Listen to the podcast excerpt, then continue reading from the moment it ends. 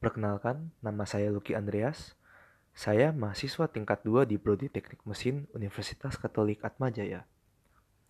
Podcast ini dibuat untuk memenuhi tugas mata kuliah perpindahan panas yang diajar oleh Ibu Filian Arbiani.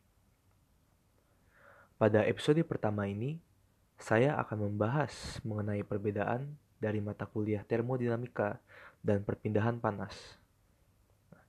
Mata kuliah perpindahan panas ini merupakan mata kuliah lanjutan dari termodinamika. Dalam termodinamika, kita belajar mengenai aliran panas antara sebuah sistem dan lingkungannya.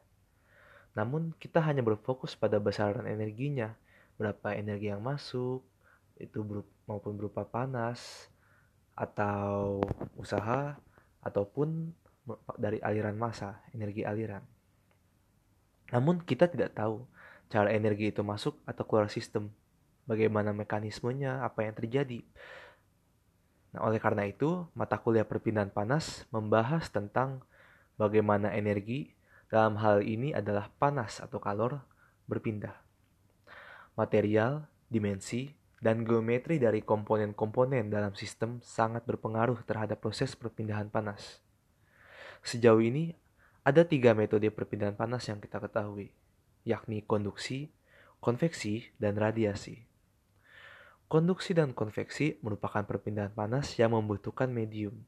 Bedanya adalah konduksi, mediumnya berupa benda padat atau solid yang diam atau stasioner, sedangkan konveksi merupakan perpindahan panas dengan medium fluida yang bergerak atau mengalir. Yang terakhir adalah radiasi. Radiasi ini sendiri adalah perpindahan panas yang tidak membutuhkan media. Nah, demikian episode pertama dari podcast ini. Mohon maaf bila ada kata-kata yang salah atau konsep yang kurang benar dari saya. Sekian dan terima kasih.